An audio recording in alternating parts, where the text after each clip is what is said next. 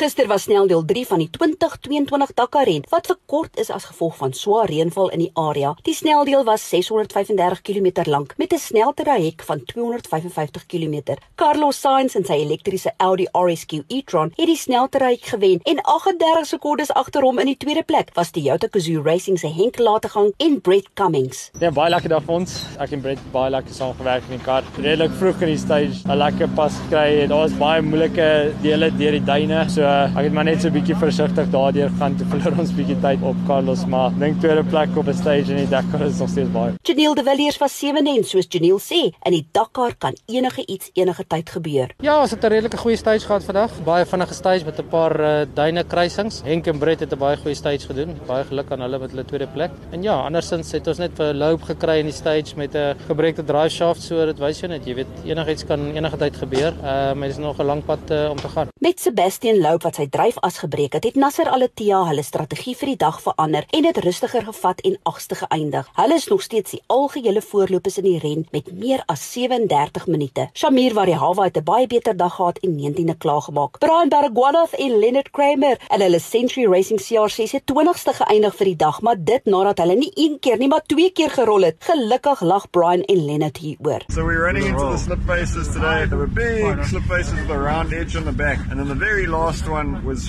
So as we went over, we just went flying. So we literally crested it at an angle like you're supposed to, but we just went way too fast for it to be so steep. We went over, flipped twice, landed. Nut runner went flying, torque wrench went flying, just handed the stuff back to Leonard, started the car, and kept on racing. We're very lucky. The cleanest draw I've ever had. Chris Visser was 29ste, Ernest Roberts was 43ste. Pascal Burger het nie 'n goeie dag met hulle CR6 gehad nie. Hulle engine het die gees gegee, maar hulle kan die Joker vat en vandag nog steeds deelneem. Daniel Schroeder en Ryan Bland in hulle gemodifiseerde Navara was 40ste ten spyte van 'n paar uitdagings. We had a good day other than maybe one small incident. We went over this dune and we basically nosedived and we kind of stalled. We put our buzzer on to warn cars behind us. Uh, we were trying to warn the guy from the back and then he came over at an angle so he clipped the back of our car and the front of his car in the front right. But it, it looks bad but it's actually not that bad. In die Saai Passat kategorie het Jeff Minute en Siegfried Rousseau 'n slegte dag gehad. Eers probleme met die roetekaart daarna vasgeval en toe gerol as gevolg van 'n papwiel wat hulle nie agtergekom het nie. Die span is ongedeerd en die kar kan herstel word. Nou oor na Steffi Wetter van die Southern Africa Dakar Group vir ons Suider-Afrika motorfietsryers. It was all action from the get-go on stage 3 as the riders braved freezing cold conditions, fast sections and tough dunes. Russ Branch had a lot of fun in the dunes and placed in an excellent 11th position. Our Kalahari Ferrari tells his story about stage 3. I really enjoyed today. A lot of fast tracks and, and a lot of dunes. I had a lot of fun. I lost a bit of time, but maybe it's for the better. You know, tomorrow is going to be a really hard day with navigation and the longest uh, racing stage for the rally. So I think I'm in a good position, 11th place. But uh, today was really good for the confidence and the bike's going well. The team's amazing. And uh, thank you very much for the support and uh, believing in me. Brad Cox is truly settling in and had a magnificent day, finishing in 14th position and moves into 24th overall. Aaron Murray may only have finished in 18th position, but held onto his top 10 position overall. Stuart Gregory had some issues with his bike and had some work to do when he returned to the original bimodal pits in 64th place on stage 3, with Sharon Moore in 39th position, John Kelly in 55th, and Werner Kennedy in 109th. The Malamoto boys are doing an incredible job out there. Walter Teblanche and Paolo Oliveira continue their pursuit to the Dakar finishing line. Don't miss any of the stage 4 action. The longest stage of the rally is going to stretch the elastic band even further and test our riders to the limit. Ek is Janet van Wiele twee wiele And this is Steffi for the Southern Africa Dakar Group. vir Dakar 2022. Tot môre, hou jou wiele aan die rol.